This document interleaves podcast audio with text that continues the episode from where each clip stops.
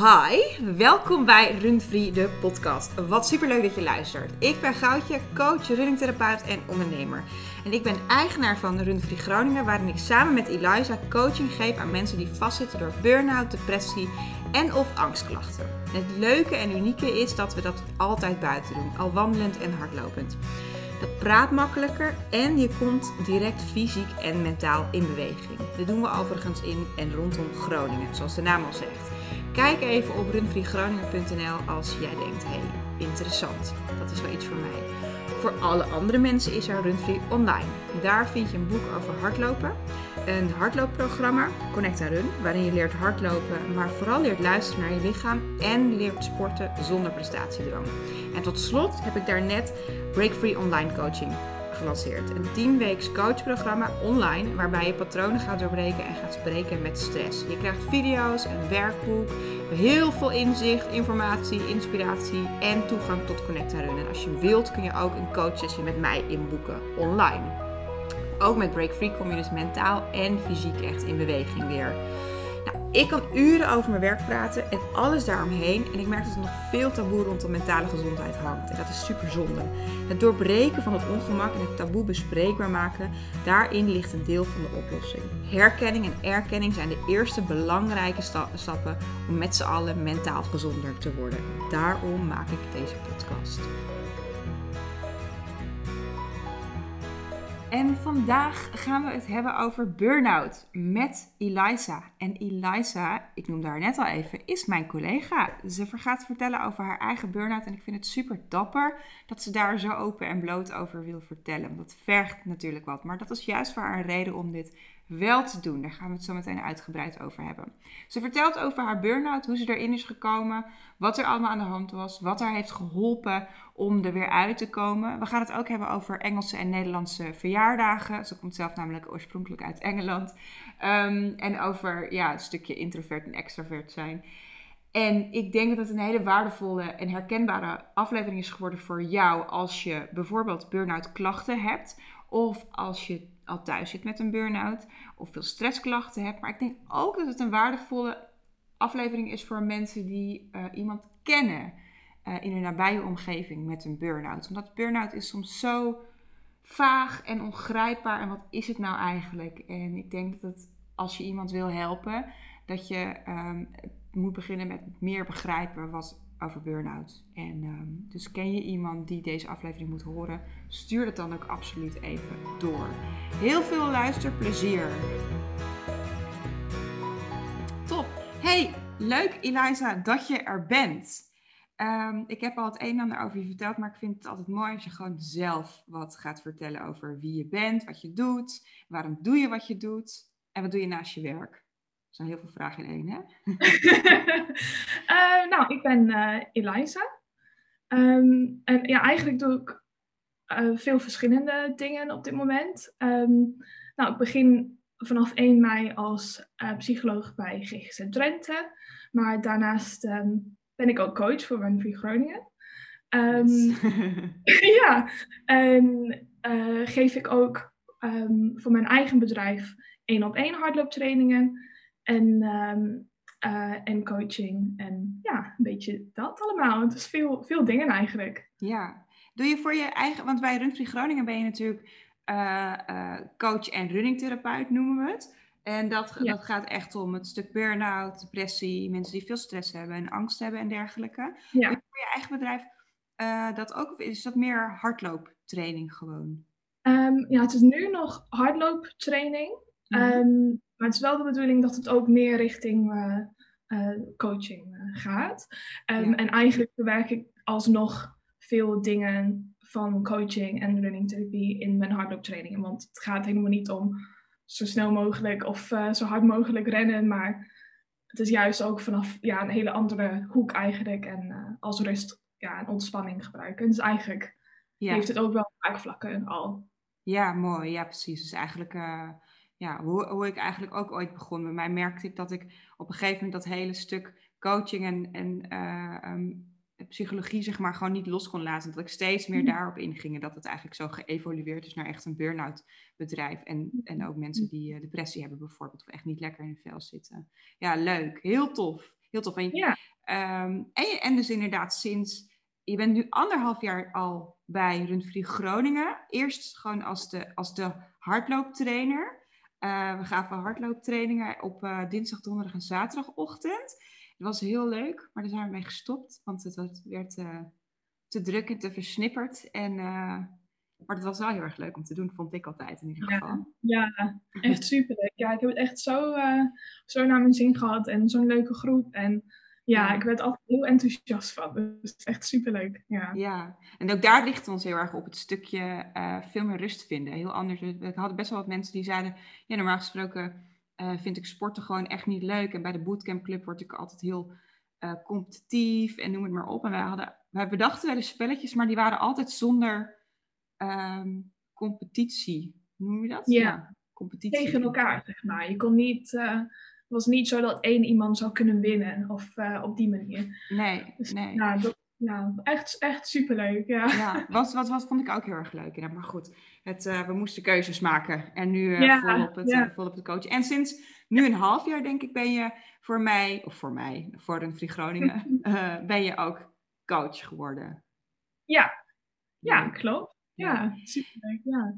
Hey, we gaan het straks nog even wat verder over hebben, over de inhoud van ons werk. Want ik denk dat, dat we daar Mhm. al best wel wat tips ook uit kunnen geven voor mensen ehm, met burn-out. Maar we gaan het hebben over burn-out en over Mhm. specifiek jouw burn-out. Want je bent naast deskundige, ben je ook ervaringsdeskundige. Ehm, ja, ja. helaas misschien. En ik vind het heel Ja. tof dat je, eh, en heel dapper ook, dat je hier over wilt praten. Want ik vind dat best wel een, ik vond het best wel spannend om even te vragen aan jou van, ja, wil, wil je dit eigenlijk wel?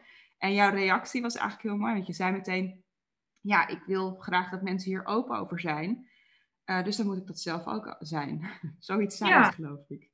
Ja, ja dat, dat vind ik wel echt. Ik vind, ja, er is zoveel stigma rondom ehm, mentale gezondheid, of, ei- of eigenlijk rondom mentale ziekte. Ja. En ehm, ja, als we dat willen doorbreken met z'n allen, ja, het enige wat je kan doen is bij jezelf beginnen en, en daar gewoon open over zijn. En dat is eigenlijk ook precies één, dat is ook een van de redenen waarom eigenlijk die burn-out is gekomen, denk ik. Omdat ik daar eerder nooit open over was. En eigenlijk sinds dat is gebeurd, ben ik Mhm. daar heel open over, ook tegenover vriendinnen en zo. Ja, het vloept er bij bij mij nu gewoon uit als er iets is. Ik kan het nu ook niet meer voor me houden. Dus ja, je kunt niet meer terug. Nee, grappig. nee, nee. ja. Ja, ja. Dus die openheid alleen al, dat kan al heel helend zijn. Hè? Ik heb zelf ook wel eens presentaties gegeven. En dan ging ik ook vertellen over. eh, ik heb er geen burn-out gehad, maar ik heb wel een depressie gehad. En ik heb ook ehm, eh, wel tegen een burn-out aangezeten. Maar doordat ik die depressie daarvoor had, et cetera. ehm, eh, ja, kon ik die burn-out af, afwenden, zeg maar. Omdat ik snapte van, oh, dit gaat niet goed, ik moet iets. En dat vertelde ik heel open in een presentatie voor mensen die ik natuurlijk helemaal niet kende. En toen aan het eind kreeg ik als, ehm, als feedback ook van, oh wat fijn en wat, wat durf je kwetsbaar op te stellen. En toen dacht ik, huh, kwetsbaar opstellen? Oh, oh dat, mijn eigen verhaal heb ik natuurlijk verteld. En ik had, was bijna vergeten dat dat, ehm, dat, dat ook een eh, spannend onderdeel kan zijn voor mensen inderdaad. Dat dat kwetsbaar is. Ja, wil niet zeggen dat ik elk onderdeel er zomaar makkelijk uitvloep, maar eh, nee. blijkbaar vinden mensen het soms al heel eh, verfrissend en kwetsbaar als je zegt, ja, ik heb een depressie gehad. Ehm, Ja, dus daar moeten ja. we wat mee. Ja, Ja, zeker. Vind ik ook. Ja, vind Ja. ik heel belangrijk. ja fijn. Hey, zullen we er eens induiken? Want je hebt Ja. een burn-out gehad, dat was tijdens je studie. En eigenlijk, eh, we hebben het hier wel eens over gehad samen, maar jij mag gewoon eens even vertellen hierover. Hoe, hoe oud was je en hoe begon dit? Ehm, nou, ik zat, ik zat ehm, in het tweede jaar van mijn studie. Ik moet even nadenken hoe oud ik toen was. Ik denk 23 of zo. Ehm, Jong, dus. Ja, ja.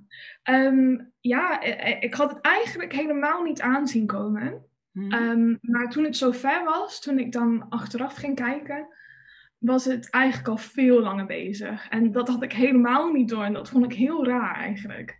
Eigenlijk was het gewoon vanaf, ja, zolang ik me kon herinneren, was het eigenlijk aan het opbouwen. Ja, als echt zo, en wat bedoel je met zolang als je je kan herinneren vanaf je nou, vierde levensjaar? Nou, zeg maar, ja, nou ja, oké, dat is dan ook maar vanaf de middelbare school, zeg maar. Toen was Ja. het echt al eh, eh, iets wat wat aanwezig was, wat gewoon eigenlijk achteraf gezien verbaasde me niks dat het is gebeurd. Nee, en wat, wat, eh, ehm, wat even eerst naar het stuk moment dat je besefte dat je een burn-out had. Ja. En dan even terug, daarna wil ik even teruggrijpen naar van, hé, hey, dat was er mhm. eigenlijk al heel erg lang. Wat, wat, wat, wat, wat, wat, wat voor symptomen had je? Wat, waar merkte je het aan? Um, nou, het heeft echt, echt maandenlang geduurd eigenlijk dat ik allemaal rare lichamelijke klachten had. Ik ben ook, ik ga eigenlijk nooit naar de huisarts. Niet omdat ik dat vermijd, maar gewoon omdat ik, ja, gelukkig ben ik natuurlijk eh, heel dankbaar voor dat ik gewoon wel echt gezond ben, normaal gesproken. Ja. Um, maar echt binnen vier maanden ben ik echt zo vaak bij de huisarts geweest, omdat ik dan last had van rugklachten of ik dacht dat ik hartkloppingen kreeg. En um, ik ben meerdere keren van de trap gevallen. Um, ik heb blaasontsteking gehad, ik heb griep gehad, echt van alles. Gewoon echt fysieke dingen. Maar zoals van de trap vallen, dat, ik, was, ik was er gewoon helemaal niet bij met mijn hoofd. Ineens lag ik dan uh, onderaan de trap. Een beetje dat soort dingen gebeurden. Jeetje, ja, jeetje. En dat duurde eigenlijk echt wel een aantal maanden. Um, en ja, in die periode heb ik me ook aangemeld bij de uh, studentenpsycholoog. Volgens mij heet dat zo. Ja, van klopt. De, um, maar daar was ook een hele lange wachtlijst voor. Dus ik, was, ik moest daar al iets van 2,5 maand of drie maanden op wachten. Ja. Dus in die periode ging het eigenlijk steeds, werd het steeds erger. De bekende wachtlijsten. Eh, dit, oh ja. God, ja. Goed. Ja. Laat ik niet afdwalen daarheen, want dan word ik boos. ja. Ja, ja, weet je. Maar je symptomen, want dat is wel denk ik iets waar, waar, je, um, waar veel mensen zich niet bewust van zijn. Want inderdaad, iets als van de trap afvallen of steeds griep hebben. Of ik heb ook wel eens gehoord van mensen die uh, ineens de hele tijd een kortslip kregen die maar niet overging. Um, ja, het, het, het burn-out lijkt soms een beetje te grijpen naar je kwetsbare kant hè, van, van, je, van je lichaam. Ja. Ik was ook vaak, vaak duizelig, vaak hoofdpijn. Mm hoofdpijn is sowieso iets wat bij mij altijd wel een teken is van, oh, ik heb te veel gedaan. Dat komt dan eigenlijk gelijk. Ja. Maar toen had ik het eigenlijk gewoon constant. En gewoon heel vermoeid wakker worden elke ochtend. Dat ik, ja, eigenlijk gewoon de hele dag, dat ik het gevoel had dat ik de hele dag wel kon slapen. Een beetje zo. Ja, ja. Hey, en je, dit zijn allemaal best wel fysieke dingen. Uh, ja. Hoe voel je je mentaal? Weet je dat nog? Heb je daar ook symptomen uh, in? Ja, ja, wel. Maar ik moet zeggen, ik vind het ook best lastig om dat goed te herinneren hmm. van, van die tijd. Um, ja, ik moet dan echt heel, heel goed nadenken hoe het precies zat.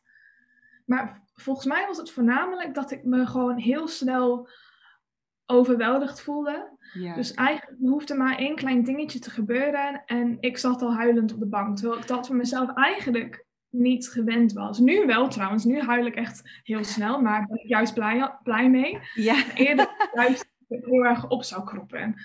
Maar in die periode dan... Ik weet ook nog heel goed dat ik een appeltaart ging bakken met mijn, uh, met mijn vriend. Ja.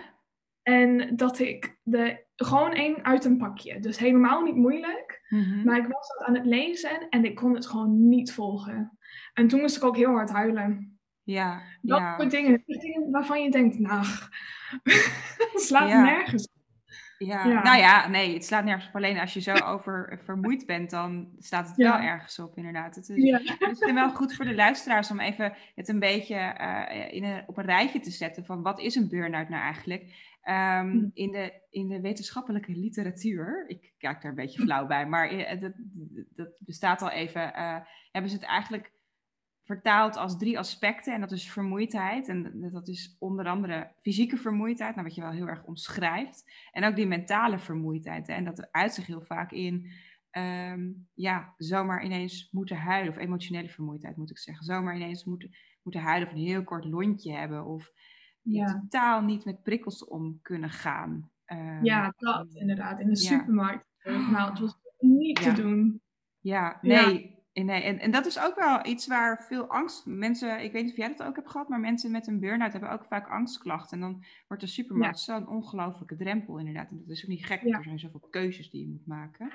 Ja, um, ja echt mee, bijna richting paniekaanvallen eigenlijk. Ja, ja, ja. Helaas heel herken, of tenminste voor mezelf niet. Ehm, gelukkig, maar ik, ik zie dit heel veel bij mensen voorkomen. En dat is heel beangstigend. Want ja, dat is ook een, een tweede. Je herkent jezelf niet meer, hè? Nee. Weet je, je noemde het net, je zei het tussen neus en lippen door al even. Ja, ik kende dat niet van mezelf, dat ik overal door overprikkeld en door moest huilen, zeg maar. Dat, dat is vaak ook zo'n ding, dat je heel ver van jezelf af lijkt te komen, komen te staan of zo. Ja, ja daar, daar had ik denk ik nog het meeste moeite mee. Dat ik ja? Helemaal niet... Uh, ja, en dat ik dacht van, oh, word ik ooit nog hetzelfde? Word, komt dat ooit weer goed of zo? Dat, ja, Dat, dat, klinkt dan misschien heel overdreven, maar op, op dat moment voelde dat echt zo. Dus van, Het komt nooit meer... Ik word nooit meer mezelf. ja. ja, ja, ja, nee, precies. En dat is dan een hele grote wens ineens, dat, dat ik jezelf word. Daar kom ik zo nog heel veel op terug in. Maar dat, dat, ik kan het mezelf nog herinneren um, bij mezelf. Ik heb dus bijna een burn-out gehad en ik merkte dat ik gewoon, tot, ik voelde niks meer. En um, zodra je geen contact meer, letterlijk geen contact meer hebt met je gevoel, met je lichaam, maar ook niet met je emotionele wezen, zeg maar, dat voelt heel wezenloos.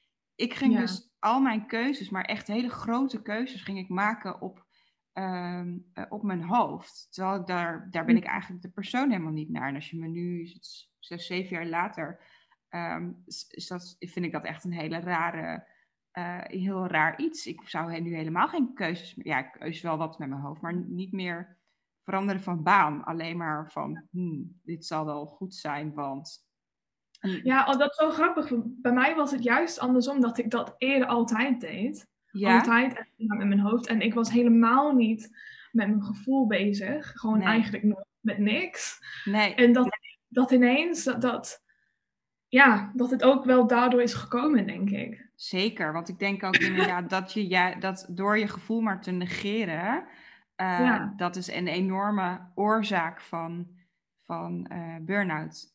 Ja, ja, gaan we het zo nog heel even over hebben? Want ik, of niet heel even, want dat vind ik wel echt wel een belangrijk thema. Maar de derde is, de het derde aspect van burn-out is eigenlijk dat je je hele zelfvertrouwen en je zelfwaardering ehm, verliest. Herken je dat?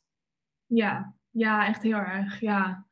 ja, vooral dan toen ik er echt in zat en toen ik echt alleen maar thuis was. Ja. Uh, dat ik, ik was soms zo vermoeid dat ik gewoon echt op een dag gewoon echt heel erg weinig deed. Ja. En mijn, uh, of nou, ondertussen was ik getrouwd, want ik ben in de zomer dat ik een burn-out had, ben ik getrouwd. Ook nog even. heel handig, ja, ja. ja hoor. Ja, maar en daarna, het jaar daarna, toen ik net getrouwd was, um, ben ik eigenlijk een jaar lang eigenlijk alleen maar thuis geweest. Ik heb wel een paar vakken gevolgd die ik nog moest uh, doen. Maar heel erg weinig. En heb ik eigenlijk heel erg weinig voor gedaan, ook omdat het gewoon niet lukte. Ja. Um, maar op, in die dagen dan kwam mijn uh, nou, man kwam dan thuis van het werk en, uh, en had ik echt, nou, gewoon echt niks gedaan. Misschien een wasje gedraaid. Maar dan lag het nog in de wasmachine, had ik het nog niet eens opgehangen. En ik was gewoon dood op en ik voelde me daardoor zo schuldig. Ja, en echt die, ja, en echt um, dat ik daardoor echt dacht van ja, ik ben echt niks waard ook. Ja. Gewoon, ja, ik kan ook helemaal niks. Ah ja, nou. Ja, dus ik, ik, moet er nu om, om lachen. De reden dat ik mhm. nu lach is omdat het nu zo raar is voor, voor mezelf. Dat ik denk van, oh, dat ik me ooit zo heb gevoeld. Ja, gek is dat, hè? Ja. Ja, ja. Je kunt je bijna alsof je een andere persoon was. Wat je ook was, in a way. Ja, ja. ja echt. Dus dat, dat, is, uh, dat is echt heel bizar eigenlijk. Ja. Ja. ja. Gelukkig uh, is het goed gekomen met je. Ja, gelukkig wel. dat is misschien even een hoopgevende boodschap tussendoor. Ja, nee, zeker, zeker. Um, en je vertelde net al even van, hé, hey, eigenlijk was de aanloop naar die burn-out of eigenlijk zat hij altijd al een soort van in me. Alsof de burn-out een soort beest is of zo. Maar het zat altijd als, als soort van in je. Want, en ik ben, we denken heel vaak, veel mensen denken dat een burn-out komt door te hard werken. Um, nou, jij werkte misschien wel, maar je, je, studeerde in ieder geval. Dus het was niet dat je, dat je op de Zuidas uh, uh, alleen maar 60 uur aan het werk was of iets dergelijks. Ik weet niet waarom ik de Zuidas noem, maar je snapt um, High flying businesswoman. Ja. wat, wat waren bij jou de oorzaken? En kun je zeggen van, dat vermoed ik nu namelijk een beetje, een beetje flauw om die stap al te maken, maar van het zat altijd al een beetje in me. Ja. Ehm, ik, ik, daarmee kunnen we al een beetje naar de oorzaken gaan, denk ik, bij jou, of niet? Ja, ja en eigenlijk veel, eh, ook weer veel verschillende dingen was dan de oorzaak uiteindelijk. Mhm. Ehm, een deel daarvan was wel studie. Ehm, maar dat zat ook wel een beetje ingewikkeld, want het kwam niet per se door mijn studie, maar Mhm. meer de druk die ik op mezelf, die ik echt op mezelf legde. Van, nou, dat het allemaal maar moest lukken en het liefst ook nog beter dan anderen. Ja. Ehm, wat ik nu ook heel raar vind, dat ik, dat ik zo was. Maar dat was voor mij echt heel belangrijk, dat ik het beter deed dan anderen. Oh ja, oh ja, herkenbaar. Dat je een soort Ja. van rare, rare competitie aan het volgen voeren bent. Dat heb ik trouwens nooit met studie gehad, overigens. Maar dat je een soort van in je hoofd een soort rare competitie aan het voeren bent, die je niet hardop zegt, want dat zou een beetje gek Nee. zijn. Heel raar. Ja. Maar dat, dat had ik heel erg. En dat kwam ook heel erg doordat. ehm, eh, nou, mijn ouders hebben mij altijd echt heel erg gesteund. Echt heel fijn. Ze hebben altijd gezegd van. ehm, nou, nou, gewoon altijd gezegd dat ik alles kan wat ik, wat ik wil en dat het me gaat lukken. Ehm, dus ze hebben me op die manier altijd gesteund. Mhm. Maar ik heb dat voor mezelf op de een of andere manier ook een soort van vertaald naar. Ik moet het goed doen voor mijn ouders. Mhm. Ehm, ook omdat mijn ouders allebei niet gestudeerd hebben. Ik ben de eerste in, in mijn hele familie eigenlijk die naar de universiteit is gegaan. Ja. Ehm, en omdat mijn ouders daar heel erg trots op zijn. Mijn vader zegt dan echt heel vaak van... Oh, nou, de hoogst opgeleide Hembro, eh, eh, dat ben jij. En nou, ze zijn helemaal trots. En dat is natuurlijk superleuk. Maar daardoor had ik ook heel erg het gevoel van... Ja, ik moet, dit moet ook lukken. En ik moet dit ook goed doen. Want Ja. ja, ja zij, zij zeggen tegen iedereen dat ik aan de universiteit studeer. En een beetje zo, op die manier Ja, ja. eigenlijk, ze hebben mij alleen maar gesteund. Dat is echt iets wat, wat in mezelf. ehm, ja, zij hebben die kansen gewoon niet gehad op dezelfde manier als ik. Mhm. Dus ik moest dat dan ook een soort van voor mijn ouders doen, voor mijn Ja. gevoel. Ja. Dus alles moest goed gaan. Ja, ja. Maar ja, dat is ook wel een beetje, denk ik, de generatie waarin jij en waarin ik net zo goed hoor ben opgegroeid. En waarin we opgroeien, denk ik, op zijn gegroeid. Als in we ook luisteraars en dergelijke. Van eh, die maakbaarheid ook. En, en ook je moet aan bepaalde verwachtingen voldoen. En ehm, eh, ja, waar een wil is, is een weg. En dat soort dingen. Terwijl ja, Ja. soms, soms lukt dat gewoon niet. En Ja. juist door die druk die we ons dan zelf opleggen, want ja, ouders hebben dat waarschijnlijk echt niet zo bedoeld, Nee, nee, nee, helemaal niet. maar eh, dat- dat- op die manier dat het zo in ons is gaan zitten van. En dat is natuurlijk niet alleen maar je ouders, dat is denk ik ook gewoon de hele samenleving Ja. ehm, geweest. Ik heb natuurlijk eh, pas geleden ook een pod- podcast ook opgenomen over eh, corona en studeren. En Mm. daarin zeiden we, kwamen we eigenlijk een beetje tot de conclusie van het is niet alleen maar door corona dat mensen het moeilijk hebben. Er is van alles aan de hand en corona is eigenlijk een soort van een katalysator, zeg maar. Ja, ja, Van, ja, inderdaad. van onze samenleving en hoe wij eh, met onze jonge mensen omgaan en hoe we met onszelf Ja. omgaan ook vooral. Ik bedoel, laten we ook Ja. eigen, ja. Dus the pressure was high. Ja, ja, en dan was het. Ik vond ook voor mezelf dat ik dan niet alleen maar mijn studie goed moest doen, Mhm. maar dat ik daarnaast ook een hele goede sociaal leven moest hebben. Dus ik was gewoon, nou, gewoon altijd ook met, met vrienden en ehm, ja, gewoon elk weekend zat ook helemaal vol. Dus ik Ja. had eigenlijk gewoon nooit een moment voor mezelf. Ik moest daarnaast natuurlijk ook werken. Ehm, dus da- daardoor waren er eigenlijk gewoon te veel dingen allemaal. En ook met vrienden die mij eigenlijk... Ik ben tijdens mijn burn-out ook best wel wat vrienden eh, kwijtgeraakt. Oh. Ehm, niet per se omdat, omdat zij daar niet goed mee omgingen of wat dan ook. Maar meer omdat ik dan eigenlijk tijdens, tijdens mijn burn-out ook besefte van... Oh ja, het komt ook echt altijd alleen maar vanuit mij. En ik moest een keer van mijn, eh, van mijn eh, psycholoog... of nou, moest. Ze zei van, nou... Kijk, kijk dan dus wat er gebeurt als jij een keer geen berichtje stuurt. Mhm. Nou, ik heb gewoon vanaf toen nooit meer met bepaalde mensen gesproken. Omdat ik gewoon, ik moest mezelf echt inhouden hoor. Ik kreeg op een gegeven moment een nieuwe telefoon. En ik dacht, nou, dus er stonden ook geen eh, berichten meer, zeg maar, van diegene in mijn telefoon. Ik dacht, nou, ik ben benieuwd of het, of het ooit komt. Nou ja, nee, nu nog steeds niet. Ja, oh Dus ja, jeetje. dat kost ook veel energie om al die vriendschappen. Nou, nu klinkt het alsof ik heel veel vrienden had. Dat is ook. Nee, dat is. Maar ja, dat kostte gewoon heel veel energie om dat ook te onderhouden. En En waarom deed je Ja. dat dan altijd, die mensen eh, toch maar blijven contacteren, terwijl het eigenlijk niks... ja, weet ik eigenlijk niet zo goed. Dat, dat, dat hoorde zo of zo, ik weet niet. Ik had dan altijd op- na een aantal weken of maanden. Sommige mensen zag ik ook niet vaak, maar gewoon nou, eens in de twee maanden of zo. Maar ik had dan altijd een beetje zo'n gevoel van: oh ja, ik moet diegene ook nog weer eh berichtjes sturen. Dus dat deed Ja. ik dan weer. En als je dan achteraf kijkt, ik was altijd degene die dan eh, die dat deed. Het is een enorm verantwoordelijkheidsgevoel, maar ook, volgens mij Ja. zit daarin, maar ook het stukje hoe het hoort of hoe het heurt. Ja, Ja, ja, klopt. Ja. ja.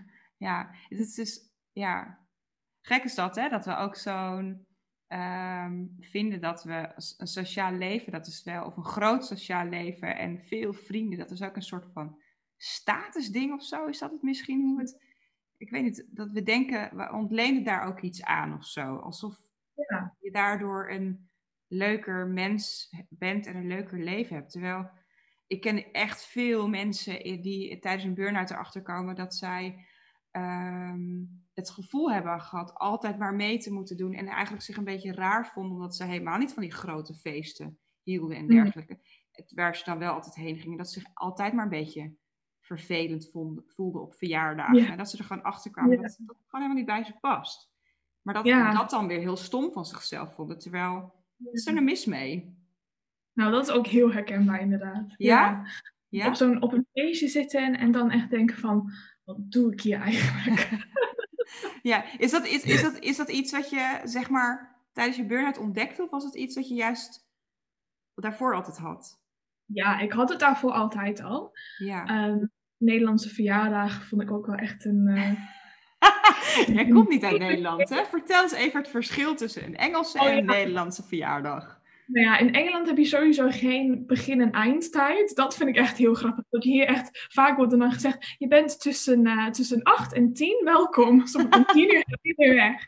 Maar nu hou ik er eigenlijk ook wel weer van, van die duidelijkheid. Ja, maar Dat- er zit wel ergens iets in, inderdaad. Ik kan me wel Ja, indenken dat ik dat bij mezelf zou doen, ja.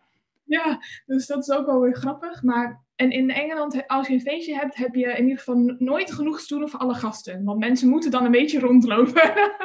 Oh ja, oh ja, ja. Zitten.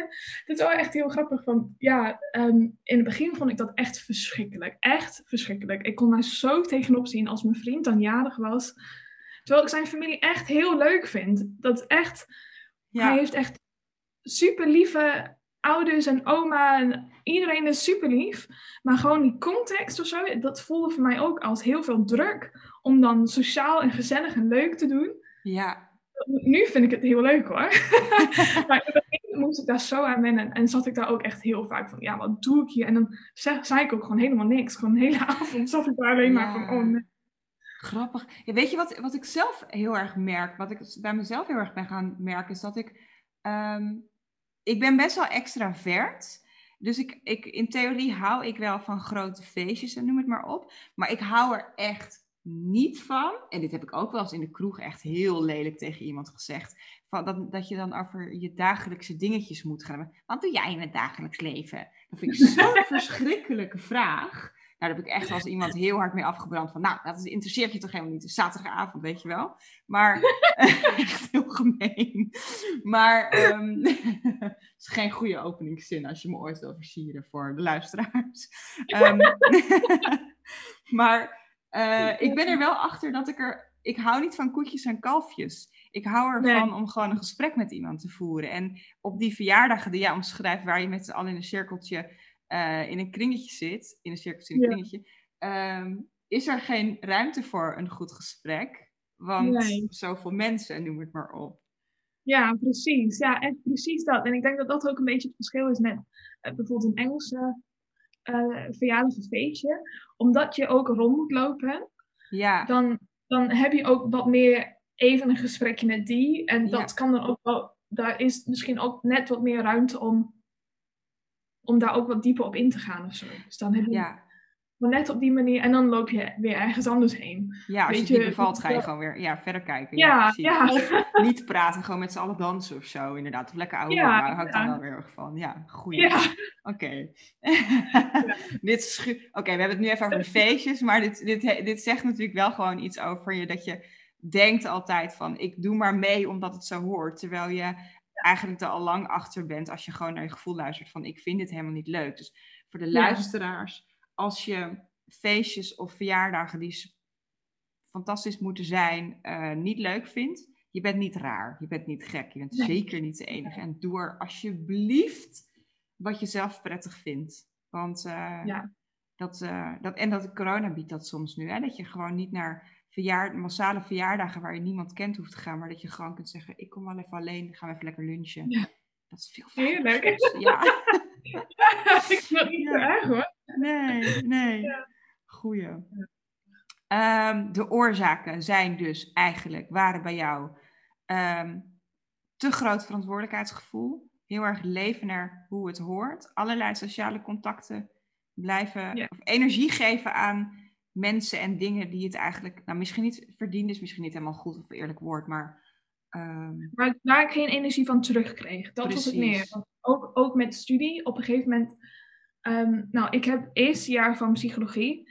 Um, heb ik op de een of andere manier heel, ja, heel goed gedaan. En ik werd toen uitgenodigd voor het anders programma. Oh ja. Omdat ik daarvoor uitgenodigd werd, dacht ik, ja, dit moet ik natuurlijk doen. Ik kan natuurlijk zo'n kans echt niet uh, laten liggen, dacht ik. Ja. Dus toen ben ik dat ook nog gaan doen. Nou, dat was echt. En ik vond het helemaal niet leuk. Echt, ik heb dat um, nou, een jaar gedaan. Maar verschrikkelijk. Echt verschrikkelijk. Maar dan ben je ook nog. Sorry, wat zei je?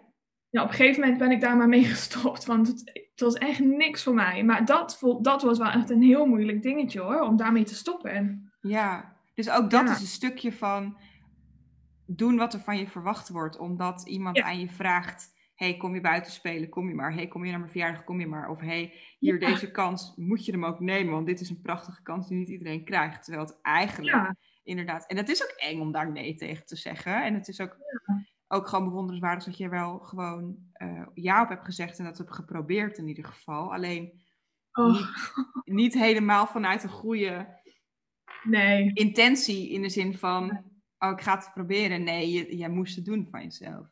Ja. ja. Ook omdat uh, nou, vriend, uh, vriendinnen van mij deden dat ook, die in een, op een andere studie zaten. Nou, die vonden dat wel heel leuk. Dus dan geeft het je natuurlijk ook energie. Je krijgt er ook iets voor terug. Maar ik deed het en ik vond het alleen maar verschrikkelijk. Ik voelde me zo ontzettend dom. Alle oh. andere studenten, ik weet niet. Ik, ik ben misschien ook gewoon niet zo dat ik heel snel in een groep um, iets ga uh, vertellen of um, antwoord ga geven op een vraag. Ik heb ook mhm. vaak net wat langer nodig om erover na te denken. Mm Die waren dan al helemaal volop in discussie en dat ik echt dacht, nou waar gaat dit over? Ik voelde me zo dom. Ja, maar... echt niet goed. Dat is, dat is, heel, dat is heel gek. Je kunt je op, uh, en dat is een beetje, de, er is zo'n spreekwoord over, als je een vis probeert in een boom te klimmen, dan zal die nooit het gevoel hebben dat hij goed is, inderdaad. Dat je zo, gewoon op het verkeerde pad kun je zo het gevoel dat je faalt. Terwijl als je misschien één afslag eerder neemt of een andere afslag neemt, kun je ineens weer denken, oh, wacht, daar, hier ben ik wel goed in. Waarom zou je al je energie gaan verspillen aan, aan beter worden in iets waar je sowieso gewoon niet voor gemaakt bent? Ja, precies. Dan, moet je, ja. dan ben je begin twintig. Hoe moet je dat in godsnaam weten? Ja, ja, iemand heeft je verteld dat je dat wel zou kunnen, omdat je goede cijfers haalde. Dus ja. nou, gaan we het maar proberen. Ja, ja. ja lastig. Goed dat je gestopt bent. Maar het ja, is niet anders. Ja, ik heb er ook geen minuut spijt van gehad toen ik, toen ik de knop had doorgehakt. Nog steeds. En we zijn nu, nou, ik weet het niet eens meer, twee of drie jaar later. Mhm. Eh, verder, nog steeds denk ik daar wel eens aan terug en denk ik, oh, wat ben ik blij dat ik dat niet meer doe. Ja, ja. maar, dat is, maar dat is ook, het is ergens ook gewoon een goede les natuurlijk dan. Van, hé, hey, je mag ook ergens mee stoppen en dan ineens uh, het licht vinden of zo. Van, ja, ja. Even, maar ga je niet dood aan, zeg maar. Nee. Ehm, nog meer oorzaken die hier misschien. Dit zijn, al, dit zijn natuurlijk de, aller, de allergrootste, natuurlijk al, denk ik. Ja. ja. eigenlijk gewoon alles goed willen doen. Dus ja, Ja, ook, ja Perfectionisme. ook kleine, ja, kleine dingen thuis, zoals ook alleen maar echt koken. Dus nooit met pakjes en zakjes, maar gewoon altijd echt.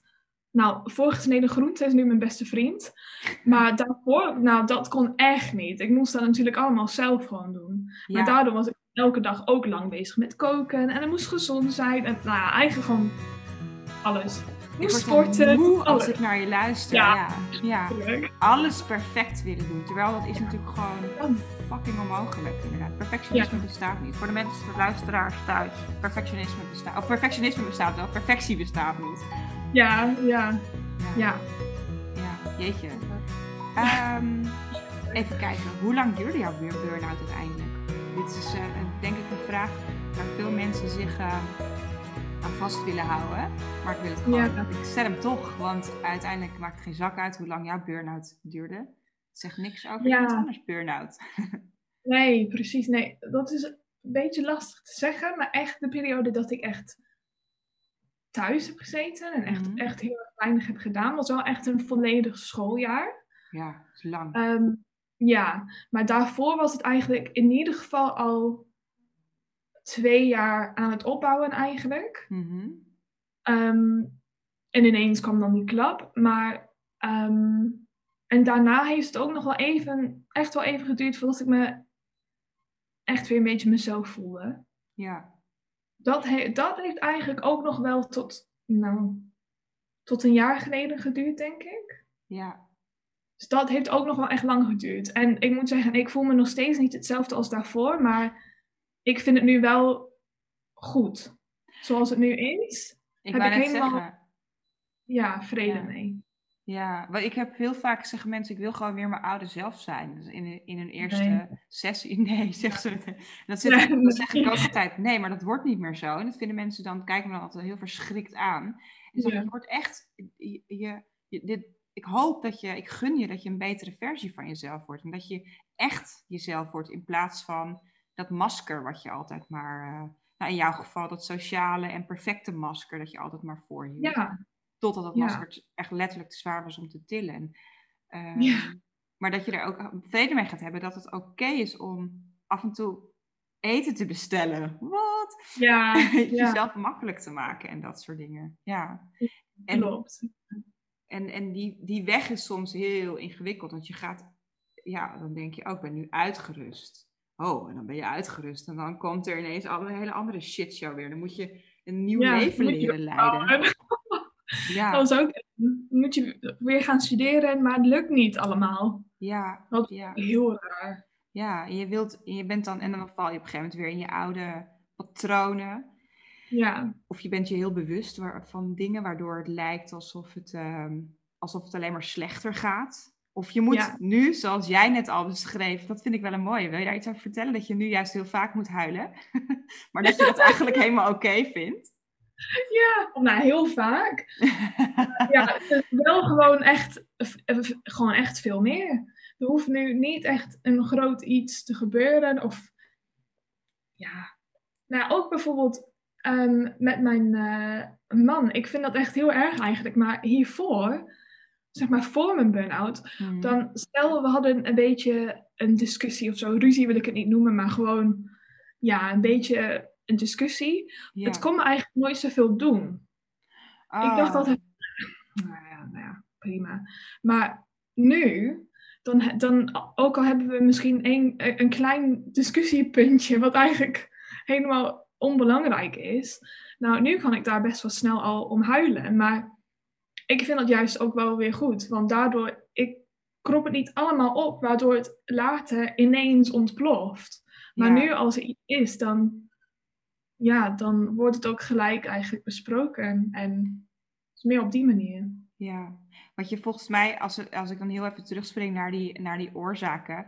Als ik je net hoorde wat jouw oorzaken allemaal waren. Het is eigenlijk puur en alleen altijd maar naar al die stemmetjes van jezelf en van de buitenwereld en van je ouders en noem het maar op luisteren.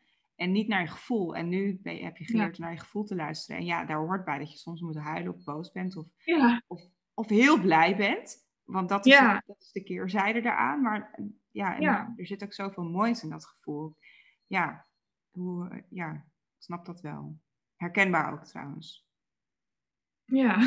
ja, het is wel grappig om te merken. Ja, ja fijn ook. Ik denk ook dat het.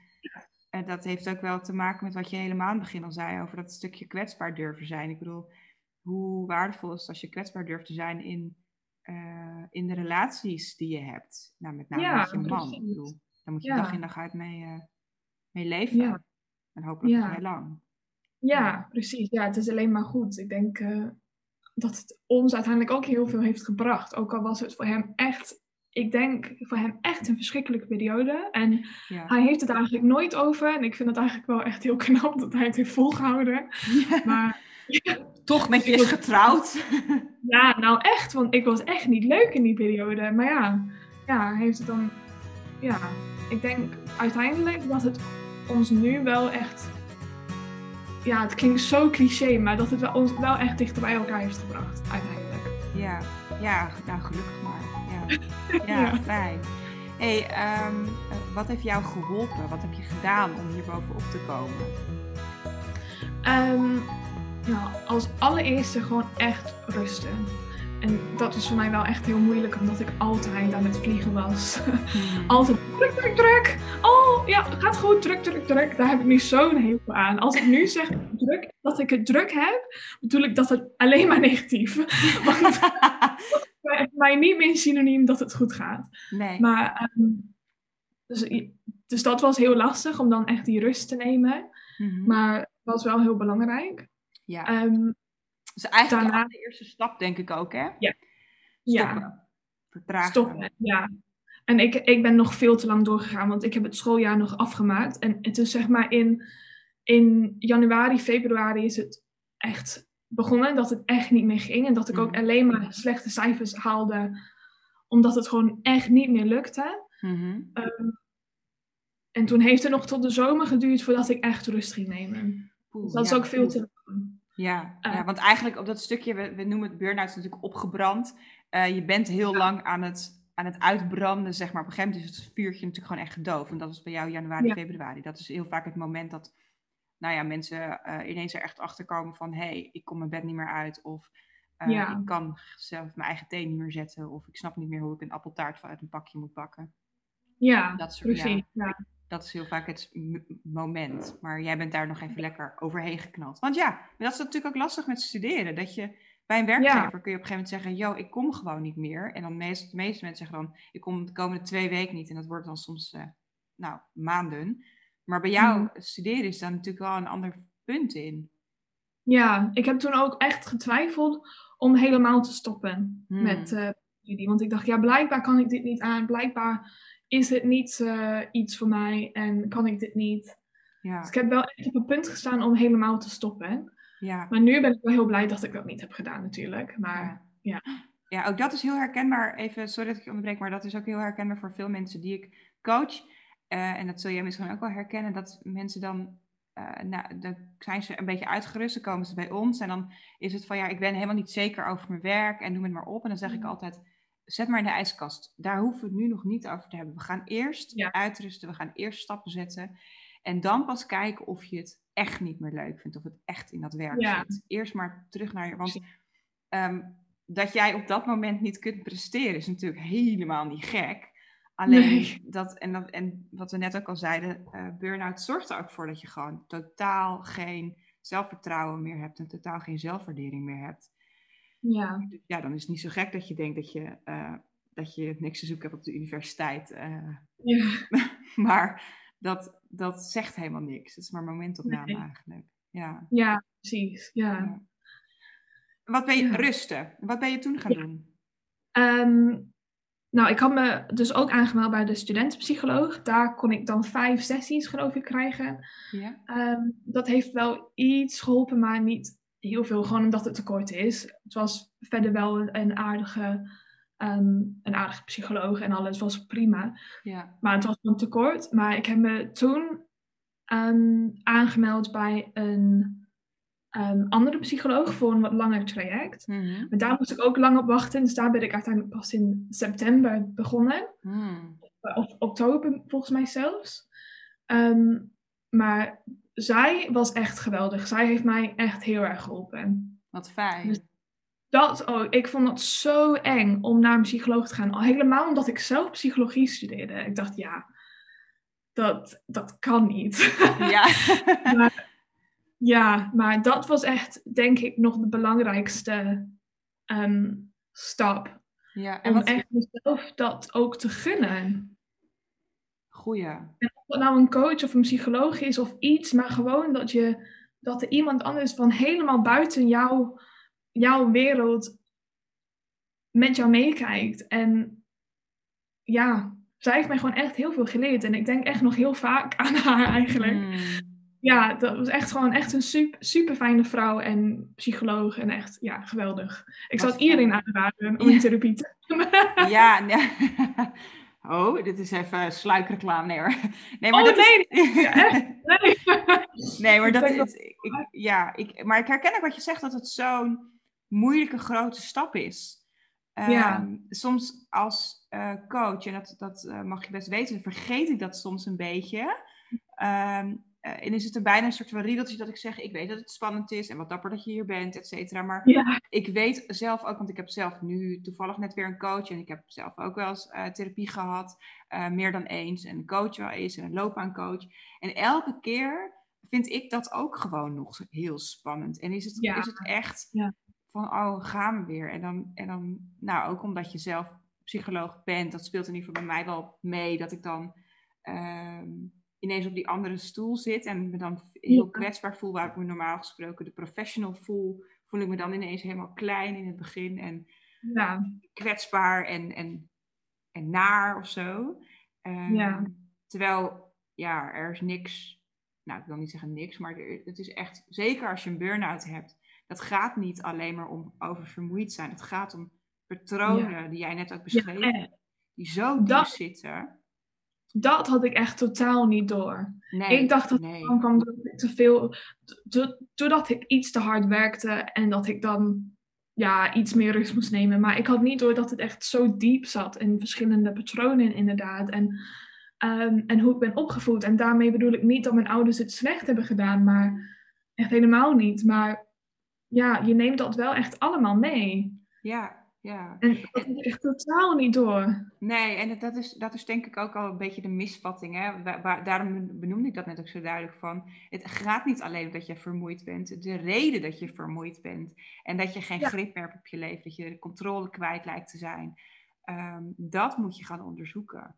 En Ja. ehm, eh, dat, dat red je niet met op yoga gaan, een mindfulness cursus en, eh, en een beetje hardlopen. Ook al juich ik dat allemaal wel toe, maar ehm, je kunt bijna niet anders dan met een professional gaan praten over Ja. dit stuk, inderdaad. Fijn dat het jou geholpen heeft, want dat, dat is natuurlijk Ja. ook nog wel eens... ehm, en dat, dat geldt natuurlijk altijd. eh, je moet ook iemand vinden die bij je past. Ja, klopt. Daar heb ik wel echt geluk mee gehad. Want eh, ja, zij, zij was, ik was er echt bang voor inderdaad. Dat het iemand zou zijn waar ik helemaal geen klik mee zou hebben. Maar zij was ook, ehm, nou ook yoga-docent. Gewoon, ja, dat zegt eigenlijk al genoeg dat het, ja, ik weet niet. Het paste gewoon wel. Dus Ja. dat was echt super fijn. Fijn. Maar ja, daarnaast is zij net ook hardlopen. En dat heeft mij ook heel erg geholpen. En nadat de ergste vermoeidheid voorbij was, Mhm. ehm, ben ik eigenlijk echt heel veel gaan hardlopen. Maar ehm, ik moet zeggen, achteraf was ik toen ook echt nog veel te streng voor mezelf. En dan ging het veel te veel om snel lopen en ehm, nou, alleen maar langer en verder en sneller en dat soort dingen. Dus dat was, dat was minder goed. Mhm. het hardlopen zelf gaf me wel veel structuur in mijn week. Ja, oh ja, tuurlijk. Dat Ja. heel erg. Ik ben toen ook mijn eh, Instagram begonnen. Eh, mijn hardloop Instagram, zeg maar. ja. Ehm, de- en daardoor, ik kon eigenlijk heel makkelijk een dagdeel vullen met hardlopen. Want ik ging dan 's ochtends, ehm, nou, ging ik me voorbereiden, ontbijten. Nou, dan moest het nog zakken. En dan ging ik een route uitstippen. En dan ging ik hardlopen. Ging ik ondertussen een foto maken voor op Instagram. Allemaal echt. En dan als ik thuis kom, douchen, lunchen, eh, met post op Instagram zetten. En op die manier kon ik echt makkelijk een dagdeel vullen. Ja. En waardoor, waardoor het voor mij ook minder, ja, minder erg voelde of zo. Dat ik daarna ging rusten. Want ik had in ieder geval iets productiefs, productiefs gedaan. Wat het niet heel goed is. Uh, ja, ja, ja, het is natuurlijk ook misschien niet heel handig om het op die manier te bekijken. Maar ja, weet niet. Het heeft mij wel geholpen, meer structuur in ieder geval. Klopt. Ik wil zeggen, en misschien is het inderdaad het, stukje nuttig zijn of het stukje productief zijn, mag je misschien daarin loslaten als je luistert. Niet jij luistert, maar als je luistert. maar, uh, en hiermee kan. Maar het stukje structuur en ook perspectief. Ja, en, um, ja. en burn-out hebben is natuurlijk ook gewoon fucking saai. Mijn ja, god, je zit maar op de bank te wachten tot je, tot je uitgerust bent. Nou, ja. dat, en dan ja, werkt niet alleen. Nee. nee. En dat is niet na een weekend zoals normaal als je een drukke week hebt gehad op je werk of zo. Dat je dan op zondag voelt van, oh ja, nu ben ik echt uitgerust. Ja, maar dat duurt dan echt weken, maanden. En ja, ja, ja. Dus dat dan wel, het gaf me wel echt veel structuur. Want ik had dan in, in ieder geval, nou ja, die vier dagen in de week dat ik ook het huis uitging. Ja. Want op de andere dagen, toen hadden we nog geen hond, nu hebben we er twee.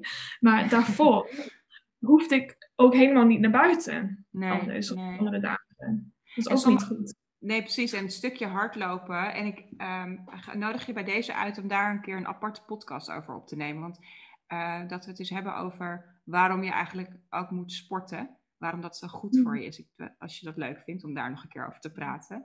Ja, leuk. Um, oh, bij deze. Dus deze komt nog, mensen. Um, maar dat stukje, dat, dat, dat perspectief bieden. En inderdaad, misschien is het niet het allerslimst om daar allerlei prestaties aan vast te, te, te binden. Maar um, uh, dat kunnen wij je dan eventueel weer leren. Um, ja, precies. Ja. Wat een andere, ja. Maar het, het, het doet zoveel, want het is buiten, je moet de deur uit, uh, je voelt je fijn daarna en het, alle endorfines en uh, uh, serotonines en noem het maar op, waar je gewoon echt wat blijer van gaat voelen, inderdaad. Ja. Ja. Fijn. Ja, uiteindelijk is dat wel minder geworden, gelukkig. Op een gegeven moment kreeg ik een blessure en moest gewoon echt een knop om, want ik deed veel te veel. Ja. En te snel en zo. En op een gegeven moment moest ik van mijn fysio een minuut langzamer per kilometer moest ik gaan lopen. Nou, en toen heb ik echt de rust gevonden in het hardlopen. En dat was echt super fijn. Oh ja, ja, precies. Dat, ja. Echt lekker rustig aan en op lage hartslag. En nou, toen was ik eigenlijk helemaal om. Toen vond ik het heerlijk. ja, ja, ja, ja, ja. Ja, en dat is ook het punt, het fysieke punt waarin je op die endorfines gaat lopen. Hè? Dat je inderdaad daarmee echt stress, uh, uh, uh, hoe noem je dat, doorbreekt. Want we denken vaak, je moet dan heel hard. Terwijl juist niet, je hoeft alleen maar je hartslag een beetje omhoog te... Ja, precies. Een berg oplopen kan ook, wandelen, niet ja. lopen. Dat kan ook al heel veel. Of trappen. Berg heb je natuurlijk helemaal niet in Nederland. Maar, maar dat kan ook al heel veel doen, inderdaad. Ja, wat fijn, wat mooi. Ja. ja. Um, wat nog meer? Zijn er meer dingen die jou geholpen? Je noemde helemaal in het begin dat stukje open durven zijn. Was dat toen al iets dat toen speelde? Ja, um, ja dat probeerde ik wel heel erg. Dat, dat is wel pas echt gekomen toen het een beetje al klaar was. Hmm. Um, maar ik probeerde dat wel steeds meer te doen. Dus wat ik wel vaak merkte is dat als ik naar de psycholoog was geweest, dat ik op de dag zelf, dat ik eigenlijk niet zoveel daarover kwijt wilde. Dus dan mm. zei, mijn, zei mijn man bijvoorbeeld van, nou, hoe, hoe, ging het? En dan zei ik alleen maar van, oh ja, goed. Maar de volgende dag of de dag daarna uh, ging ik ineens van alles vertellen hoe het dan was gegaan. Oh ja, je uh, moet even zakken, zeg maar. Ja. Letterlijk, ja. ja. Ja, dus ik probeerde toen wel echt wat meer open um, te zijn. Omdat ik, ja, maar dat, dat kostte ook gewoon veel tijd. Want ik was het helemaal niet gewend om dat te doen. Nee. Nee. Dat is maar toen is het wel gegroeid. Ja, ja, snap ik. Ja, ik weet ook nog dat ik toen um, echt midden in mijn burn-out, toen het echt, toen het echt slecht ging, um, ben ik een weekend weg geweest met vriendinnen. Mm -hmm. um, met z'n vijven uh, zijn we.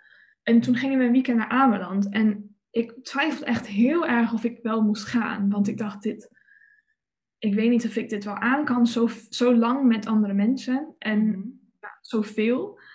maar toen heb ik ook voor het eerst eigenlijk verteld dat het helemaal niet goed ging. Ehm, ook omdat ik um, nou, het was dan een huis voor zes mensen en we waren met z'n vijven. En ik wilde heel graag een kamer in mijn eentje. Ja, snap ik. Omdat ik dacht, ja, anders dan trek ik het gewoon niet een heel weekend.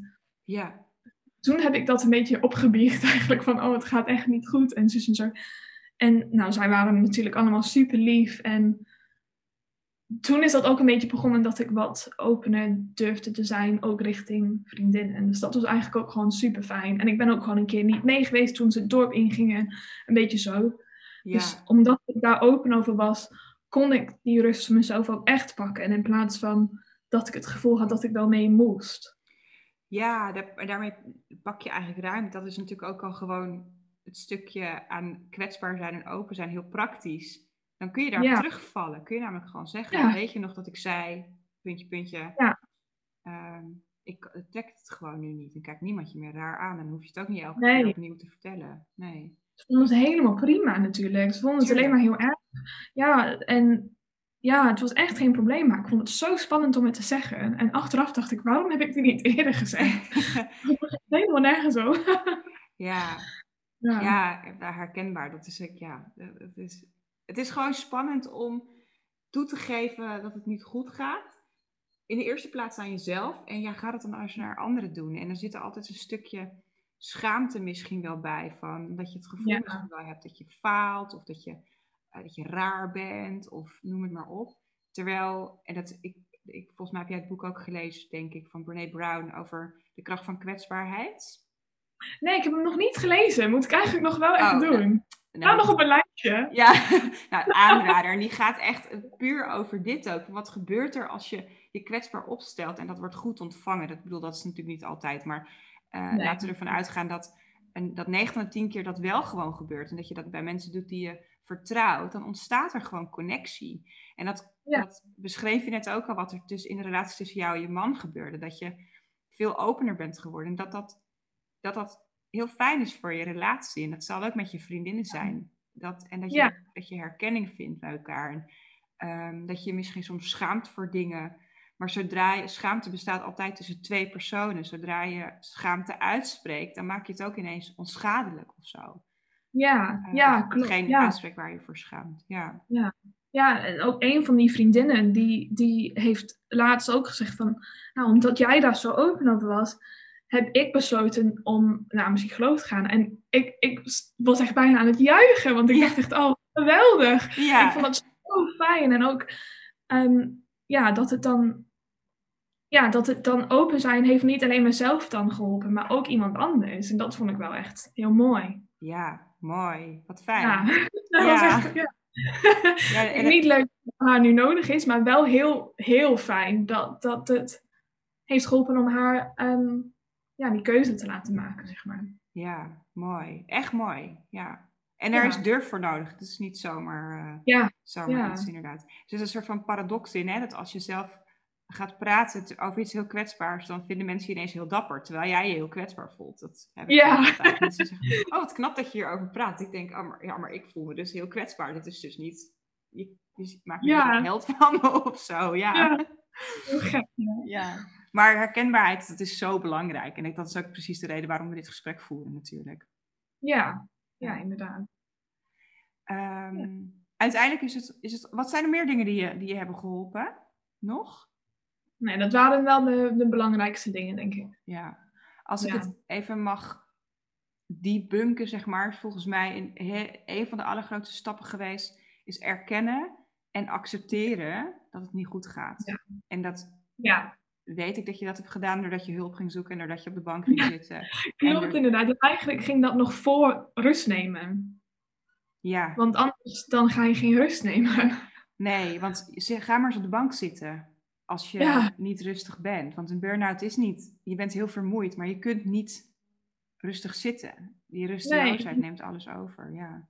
ja. Ja. Het is ook een van de stappen in, in ons programma eigenlijk, hè, waar, waar ik soms echt wel bijna het hele traject mee bezig ben. Met accepteren, accepteren, accepteren, accepteren. En sommige mensen zeggen dan, ja, maar ik heb al drie maanden een burn-out. Het zegt niks over hoe ver je het, in hoeverre je het, je het geaccepteerd hebt. Ja, precies. Ja. En je ziet soms en het gebeurt niet altijd, dat, dat klinkt als een wonder, dat is niet zo, maar soms zie ik echt dat de knop omgaat. En dat er dan ineens echt iets veranderd is. En, dan, Mhm. ehm, en soms moeten er ook juist later nog weer veel meer acceptatiestapjes worden gezet. En als ik jouw verhaal zo hoor, even vanuit mijn professionele bril, dan denk ik dat je op een gegeven moment door hulp te zoeken en door hulp te krijgen, het ging accepteren. En met hulp ook dan weer van je psycholoog. Maar dat Ja. later pas in, in die blessure met hardlopen, dat daar ook weer een stukje acceptatie eh, Ja, in klopt zat. hoor. Ja, ja zeker. Dat, en dat blijft ook zo. Ik, tenminste, dat merk ik ook bij mezelf. Ehm, ja, ik ben nu in, eh, fysiek niet helemaal zo sterk omdat ik dus zwanger ben. En dan merk ik ook weer van, oh ja, ik moet nu weer allerlei dingen accepteren die ik normaal gesproken heel vanzelfsprekend voor me zijn. En dat vind ik dan ook toch nog best lastig. Terwijl Ja. ehm, ik zou daar, ik ben er professional in accepteren, maar soms, ja, dat blijft gewoon iets waar je tegenaan blijft stoten soms. En Ja, bij het leven hoort ook. Ja, ja. Eigenlijk is gewoon je hele leven lang steeds opnieuw weer balans zoeken. Ja. En dat blijft maar doorgaan. Elke keer als je denkt dat je je balans hebt gevonden en dan verandert er weer iets, dan moet je Ja. weer zoeken. Ja, inderdaad. Maar ja, Ja, Fijn, ja. dat hoort erbij inderdaad. Maar dat is ook, er is geen einddoel als je gaat herstellen van een burn-out. Er is geen einddoel. Het enige eh, is het, ja, accepteren dat het een proces is, daar ook mee begint. Daar begint het traject ook meestal mee. Hè? Van waar sta je nu, waar wil je heen? Wat is dan eigenlijk de weg daarheen? Nou, die weg Ja. kijken in plaats van alleen maar het einddoel. Ja, ja inderdaad. Ja. hey, ehm, ik wil eigenlijk even naar het stukje, je hebt me heel veel over jezelf verteld en nu ga ik een hele flauwe vraag stellen. Ja. Ehm, ik hoor van best wel veel coaches en ik ken er eh, een aantal, maar de- ook voornamelijk online zie ik dat vaak gebeuren, is dat mensen dan zelf een burn-out hebben gehad en dan dat hun in- geïnspireerd heeft om burn-out coach te worden. Eh, is dat Ja. bij jou ook het geval? Ja. ehm, ja en nee. Want ja, omdat ik wel door mijn eigen burn-out ehm, eigenlijk in, ehm, ja, voor het eerst heb gehoord over runningtherapie.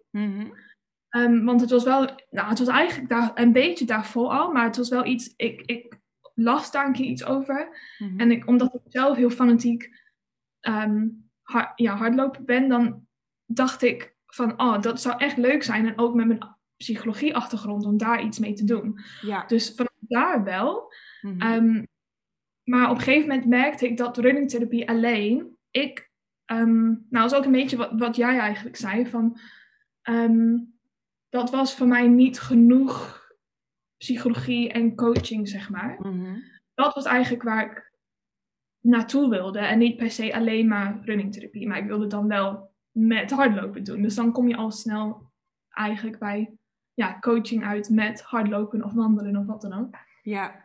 Ehm, maar ja, dus ook, ook nee, omdat ik ook daarvoor al was begonnen natuurlijk met, nou ja, ik ben ooit begonnen op SPH en toen psychologie, dus die interesse zat er altijd al wel. Ja. Maar het is wel mijn, ja, eigenlijk mijn doel is wel iets veranderd door mijn burn-out, want eigenlijk wilde ik meer het onderzoek in of meer neuropsychologie-achtige dingen. Oh. En dat is, eigenlijk, dat is eigenlijk door mijn burn-out wel veranderd. Ja, precies. Dus het heeft je wel een Ja. soort van geïnspireerd, maar het is niet de, de enige motivatie. Ook, en ook niet het enige wat je meeneemt naar een traject. Want ja, nee, je en bent gewoon ik, psycholoog natuurlijk. Ja, en wat ik denk, wat ook belangrijk is, ik heb het daar vaak ook wel over met, eh, nou, met een vriendin van mij die ook eh, psycholoog en coach is, Mhm. ehm, over of je mensen kan coachen of eh, therapie kan geven. ehm, als zij worstelen met dezelfde dingen waar je zelf mee worstelt, Mhm. of niet, juist met hele andere dingen. En eigenlijk kwamen we tot de conclusie dat ehm, dat, dat zeker kan. Want je hoeft niet iets meegemaakt te hebben om iemand te kunnen coachen. Mhm.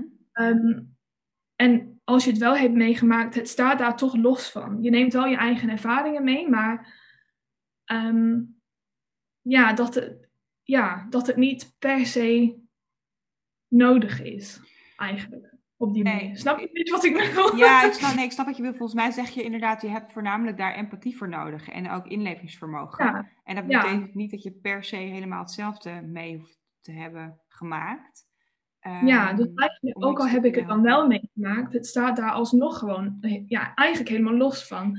Nou, exact. Ja. En ik denk dat dat ook wel een beetje het gevaar is. Want als jij dat mee zou ne- nemen van dit is hoe een burn-out werkt, want zo is het, bij mij is het bij mij gegaan, dan ga je natuurlijk al de mist in. Want jouw verhaal zul- zullen veel mensen herkennen, maar waarschijnlijk weer op een hele andere manier.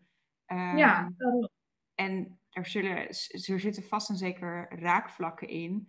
Ehm, maar ja, waar jij misschien van de trap afvalt, heeft iemand anders eh, helemaal niet door dat hij een burn-out heeft. Of weet ik veel, hele andere klachten, zeg maar. Dus jouw Ja. burn-out is niet ieders burn-out.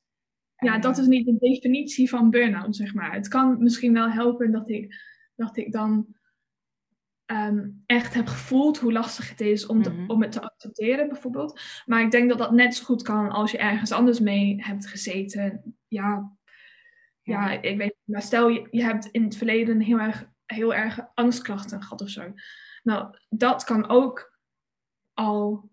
ehm, ja, dat, dat kan er ook voor zorgen dat je je makkelijker inleeft in een ander, denk ik. ja. Maar ook als je, als je helemaal nooit mentale klachten hebt gehad, denk ik dat je net zo goed een goede coach kan worden. ja, Of, ja, of psycholoog. Want ja, uiteindelijk gaat het toch om, de, ja, toch om andere dingen eigenlijk dan je eigen ervaringen. ja, ja. Ja, en ik denk dat het, wat ik ehm, voor mezelf altijd, als ik voor mezelf spreek, maar ik denk dat ik dat, dat net zo goed voor jou kan spreken dan, is dat eh, we hebben bepaalde ervaringen eh, die we mee, onze eigen persoonlijke ervaringen, waar we het ook prima over willen hebben. Wat ik overigens niet de hele tijd ga doen in een, in een ehm, coachgesprek. Nee. Oh, dit heb ik ook meegemaakt. Nee, Nee, helemaal niet, want het gaat niet om mij. Maar dat, dat, dat helpt mij, ja, precies. En het helpt mij wel enorm om me in te kunnen leven. Ehm, Ja. En om breder te kunnen kijken. En om ehm, te kunnen snappen dat het niet alleen maar gaat om bepaalde trucjes of bepaalde Ja. patroontjes doorbreken. Hè, want dan, dan, ik denk dat je daar, ja, daar schiet je gewoon niet zoveel mee op. Want dan zouden we kunnen zeggen, ga maar lekker hardlopen, dan komt het wel goed. Ehm, precies, ja. maar dat, dat in ieder geval, ja, voor jou denk ik net zo goed, dat de ervaring die je opdoet als coach en als psycholoog, dat die minimaal net zo belangrijk is. En dat daaronder eigenlijk, dat zit allemaal ook gegrond natuurlijk in de kennis die je op hebt gedaan. Ehm, nou, in onze studie, we hebben eh, bijna dezelfde studie, tenminste we hebben verschillende masters gedaan, maar dezelfde basisstudie gedaan. Ehm, en eh, in alles wat je daarna leert, leest, ehm, ja, ervaart, noem het maar op. Ja. de- en dat dat zeg maar een soort van de mix is die, die ik in ieder geval heel belangrijk vind. En dat is ook de reden natuurlijk dat ik met jou ben gaan samenwerken. Omdat ik weet dat dat ook allemaal in jou zit. En ik voel zelf ook altijd dat dat gewoon het beste werkt. Want ik weet wel, hoewel mijn ervaringsdeskundigheid ehm, niet het belangrijkste is, weet ik wel dat mensen het vaak fijn vinden. Dat ik snap Ja, wat ze inderdaad. voelen. Dat zeker, ja. Ja, ja ik denk dat het gewoon echt de combinatie is ehm, wat, wat dan heel, ja, heel belangrijk is eigenlijk. Ja, Dat je, en, dat je je en in kan leven, maar dat je ook echt de achtergrond ook heel goed ehm, weet en, en begrijpt en dat soort dingen. En ik denk dat je dan alleen ervaringsdeskundigheid, dat dat niet genoeg is. Nee, nee ja, het kan in sommige gebieden misschien wel hoor, maar ik, en het kan misschien ook een voltrekker zijn, maar ik, eh, ik geloof daar ook niet zo erg in inderdaad. Ehm, wat wil je meegeven aan, aan de jonge, nou ik heb zeg, gezegd jonge luisteraars, maar het mogen eigenlijk gewoon alle luisteraars zijn. Wat wil je meegeven?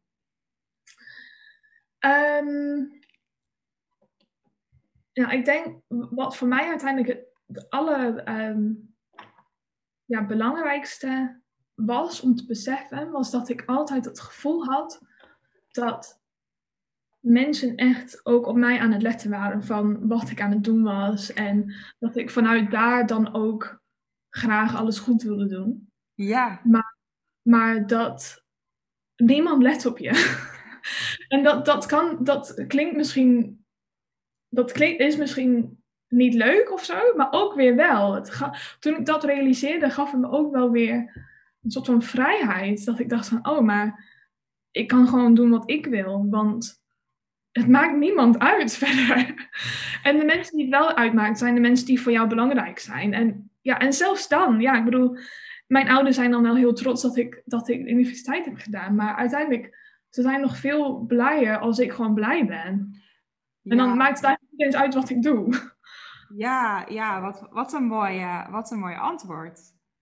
Ik dacht, ze komt nu met tips en tricks, maar nee, ik vind dit heel oh. mooi. Ja, ja, nee, juist. Ik vind, dat is, dit is zo waar. Is zo waar. Dat, is, dat zit hem echt in alles. Als je over straat loopt of als je gaat hardlopen buiten, niemand let op je. Niemand. en ook, en, en ook um, soms letten mensen wel op je, maar dat zegt zo vaak zoveel meer over die andere mensen dan over jou.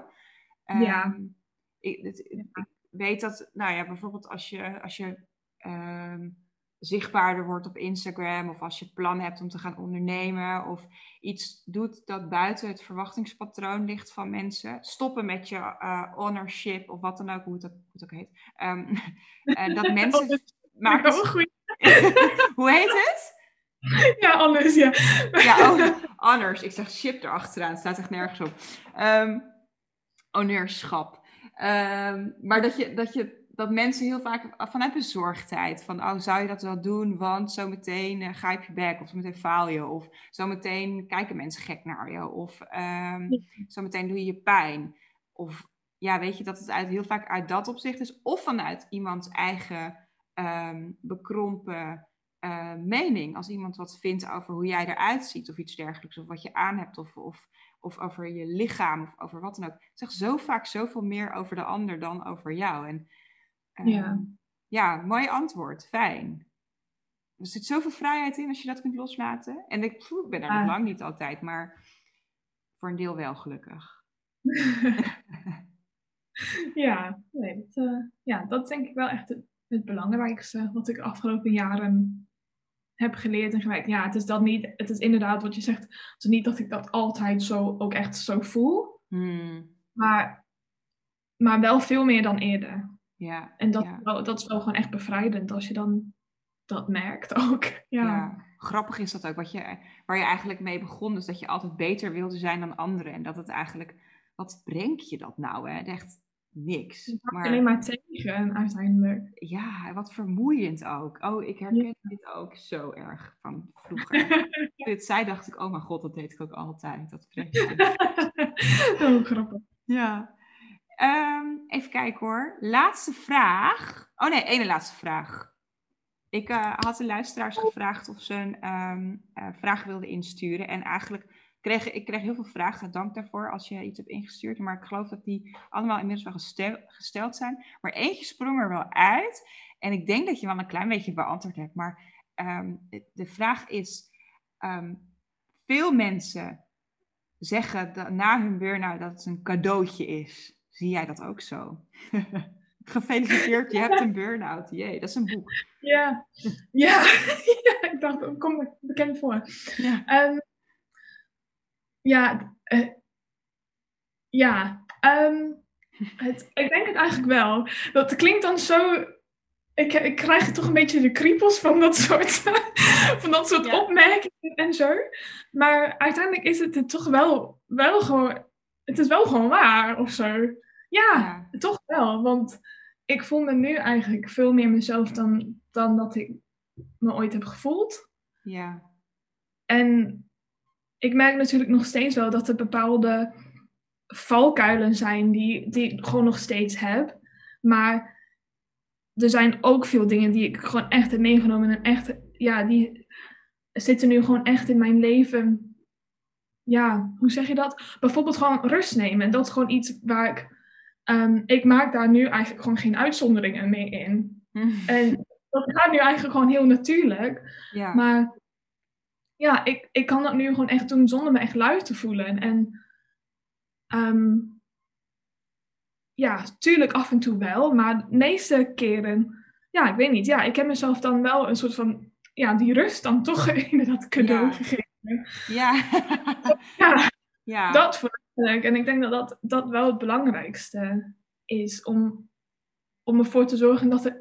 Ik denk dat het bij mij niet zo snel nog een keer zou gebeuren. Nee, denk ik ook niet. Dat. Ja, denk ik ook niet.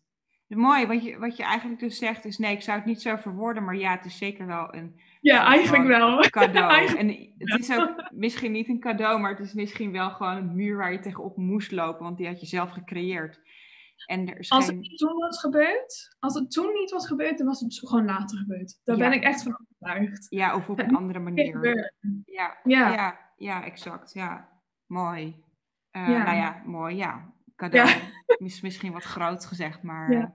Ja, nu wel. Nu, nu ik uit ben, nu ik echt helemaal uit ben, nu, denk, nu ben ik er wel ook wel weer dankbaar voor dat het is gebeurd. Want het is in ieder geval gebeurd toen ik jong was. Ik bedoel, mijn moeder zegt ook wel eens van, het had je ook kunnen gebeuren toen je 50 was. Dan had je tot je 50ste geleefd op die manier. En nu is het gebeurd toen ik 23 was. Ja. En daardoor heb ik nu zoveel meer mooie levensjaren die nog komen, zeg maar. Dus daar ben ik dan heel, heel blij om eigenlijk. Ja, ja levens, ja dat, dus je hebt heel veel geleerd ook. En ja, wat je zegt, je hebt niet al die tijd doorgebracht in die kooi die je voor jezelf gecreëerd hebt. Maar nu kun je gewoon letterlijk in vrijheid... Uh, ja, en dat had ook gekund. Mijn moeder zegt ook vaak, nou, ik, ik had zulke dingen nog niet door toen ik zo jong was als jij. Nee, nee, precies. En dat, maar dat is ook echt iets dat ik vaak zie.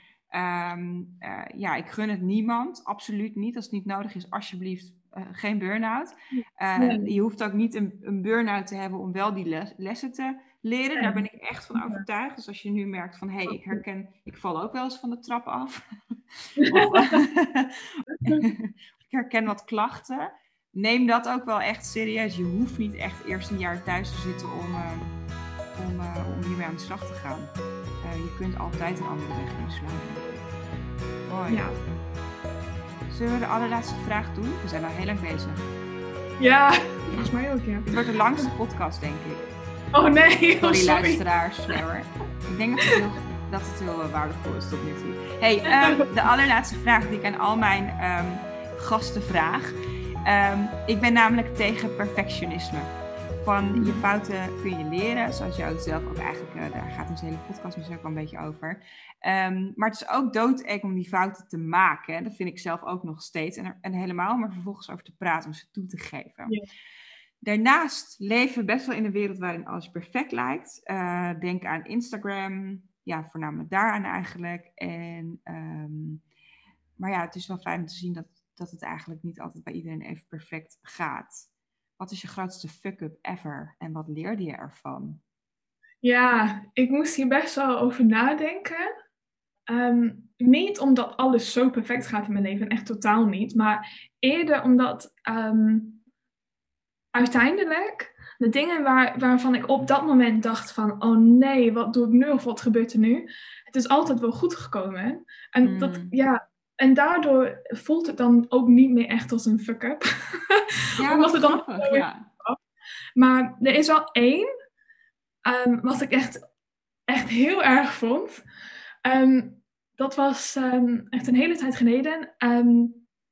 ik deed de opleiding verpleegkunde. Ja. heb de eerste twee jaar van gedaan. En op een gegeven moment moest ik daarmee stoppen. Door nou, gezondheidsredenen. Het was niet mijn keuze. Ik wilde eigenlijk gewoon doorgaan. Maar dat ging op de een of andere... Uh, op, de een, op de andere dag moest ik daarmee stoppen. Dus ik had ineens geen studie meer. Maar daardoor ook geen studie. En moest ik dus mijn kamer uit, moest ik weer bij mijn ouders gaan wonen, tijdelijk. Mm Het viel echt precies samen met dat mijn vriend naar Nieuw-Zeeland ging voor een half jaar. Dus ineens was een soort van alles was, uh, anders. Ja. En ik had ineens een half jaar waarin ik ja, iets, iets moest gaan doen. Maar ik ging in de zomer ook naar Nieuw-Zeeland om hem op te zoeken. Dus ik ging solliciteren voor een, een baan om geld te verdienen. Alleen ik vertelde overal gewoon van, nou, en dan ga ik in de zomer naar Nieuw-Zeeland. En ik werd, ook, ik werd op best wel veel plekken uitgenodigd voor gesprek, maar ik werd het nooit, omdat ze zeiden van, je gaat in de zomervakantie weg, dus we kunnen, um, ja, het is het voor ons niet waard voor een half jaar. Ja. En op een gegeven ik weet niet eens meer wie, meer wie dat zei, maar iemand, volgens mij zelfs meerdere mensen zeiden, maar je kan toch gewoon, je, je hoeft het niet te zeggen. Zeg dan gewoon niks, ga dan gewoon werken en neem dan gewoon een maand van tevoren een ontslag. Ja. Dus dat had ik gedaan. Ik had gesolliciteerd ergens anders. Ik had het niet verteld. Ik was het geworden. En ik zou beginnen. En eigenlijk vanaf het moment dat ze mij belden met ehm, nou, dat ik was aangenomen, voelde ik me zo schuldig. Ik heb nachten niet geslapen. Oh, echt? Ik zou dit precies zo, doen trouwens hoor. ik zou dit... Ik heb echt nachten niet geslapen. En toen ben ik naar ze toe gegaan en heb ik gezegd van, nou, het zit eigenlijk zus en zo. Nou, toen hoefde ik niet meer te komen. Oh! En ik, oh, het voelde voor mij als zo'n oplichting. Maar ik heb uiteindelijk dus een half jaar niks, niks gedaan. Want ik had geen... Niemand wilde me hebben. Omdat je zo eerlijk was. Jeetje. Dat is toch gewoon een bedrijfsrisico. Dat je iemand aanneemt die gewoon weer weggaat. Oh, je bent ook zo eerlijk. Oh, maar... Nee, maar, maar ja, dat, ik, eh, dat, ik heb daar wel echt van geleerd dat het voor mij wel gewoon echt belangrijk is om gewoon, gewoon eerlijk te zijn. Omdat ik dat... Ja, ik weet niet, ik vond me te schuldig. Ja, ik heb het in de gaten. Ja, oh wat grappig. Nou, oh, en ik, werknemer van de maand. Nou, ik durfde dat aan niemand te vertellen dat ik dat, dat, ik dat had gedaan. En dus ik tegen iedereen vertelde, nee, ik ben er niet geworden. oh, oh verschrikkelijk. Ik dacht, ja. nou, ik had niet liegen. Wat schattig ook. Ja, schattig. Ik denk ook ergens, Ehm, wat is dan hier nou in je fuck-up? Aan de ene kant snap ik heel goed dat je zeg maar super loyaal bent voor een bedrijf waar je nog niet eens voor werkt. Aan de andere kant is het wel een belangrijke les dat die, dat die eerlijkheid zo belangrijk is. Maar ja, ja Eigenlijk is het een van beide kanten. Want ik had het gewoon kunnen doen, gewoon een half jaar lang geld kunnen verdienen. Ja. Een winkel die toch niks om mij geeft. Ik bedoel, het is gewoon een winkel. Ja, nou ja, nou ja toch niks om je geeft is misschien erg groot gezegd. Maar je bent wel gewoon een van de medewerkers. Ja, ja, ik, bedoel, ik heb wel eens eerder ergens gewerkt en na een half jaar ontslag genomen. En dat, maar ja, het was niet vanaf het begin mijn bedoeling. Nee, niet vooropgezet. Dat, dat was het verschil, denk ik. Ja. En mijn moeder nog van, oh, je kan ook nog um, gewoon een maand van tevoren dan zeggen dat je vriend uh, een, een ticket naar Nieuw-Zeeland voor je heeft gekocht als verrassing. Op alle manieren, zodat het niet vanuit mij was. Maar nee, precies. Oh, oh, grappig. Ik heb hetzelfde gedaan, maar ik ging wel dus daar werken. Um, maar ik heb me daar ook best wel schuldig over gevoeld, weet ik nog. En dat was ook oh, echt na drie maanden. Maar dat kwam ik was toen volgens mij 19 of 18. Best wel jong en daar voelde ik me ook heel schuldig over. Maar iedereen ging, zei ook om me heen van nee, je moet daar gewoon gaan werken. En ehm, dat is gewoon hun probleem, dat is hun, hun bedrijfsrisico. Maar dat was wel groot, dat was bij de V&D, dus dat was wel echt groot. Als in, daar ben je gewoon wel echt een nummertje, maar goeie. Ja, precies. Ja bij, ja, bij mij was het wel een iets kleiner, het was gewoon een winkeltje in Assen wel van een, een keten, zeg maar, van de Marskramen was dat. Oh ja. Maar ik durfde het echt tegen niemand te zeggen dat ik dat, ik dat gedaan had. Echt zo grappig. Mooi, maar wel iets van geleerd dus gelukkig. Ja, dat wel. Openheid is belangrijk voor je. Ja, ja, ja, eigenlijk. Ja. Hey, mooi. Hey, ik uh, wil je bedanken voor dit, uh, voor dit gesprek, voor je openheid, voor je eerlijkheid um, en voor het delen van je fuck-up. uh, Maar voornamelijk voor je verhaal over je burn-out en hoe dat voor jou is verlopen. En um, nou, je bent te boeken als coach natuurlijk bij ons op dit moment, bij Rund ja. Groningen. dus um, ja, dat eigenlijk, dank je wel. Ja, oh, heel graag gedaan. Ik vond het heel leuk. Heel erg bedankt voor het luisteren. Ik vond het zelf echt een leuk en interessant gesprek. Ik vond het fijn dat Eliza zo open uh, durfde te zijn. Ik denk dat ze daar uh, mensen zeker mee kan helpen. Daarbij is ze natuurlijk gewoon echt een super goede coach. En anders uh, had ik haar zeker niet aangenomen. Blijkbaar ook nog heel erg loyaal en eerlijk. Dus dat is weer fijn voor mij. Als je deze podcast goed vond, laat dan vooral in de Apple Podcast app een beoordeling achter. Dat helpt ons om meer impact te maken. Dat helpt ons om meer mensen te bereiken. En het helpt ons ook echt om meer um, ja, mentale gezondheid bespreekbaar te maken. De volgende keer ga ik het hebben over balans. En over diet culture. Spannend en interessant onderwerp. Ik uh, hoor elkaar. Doei doei.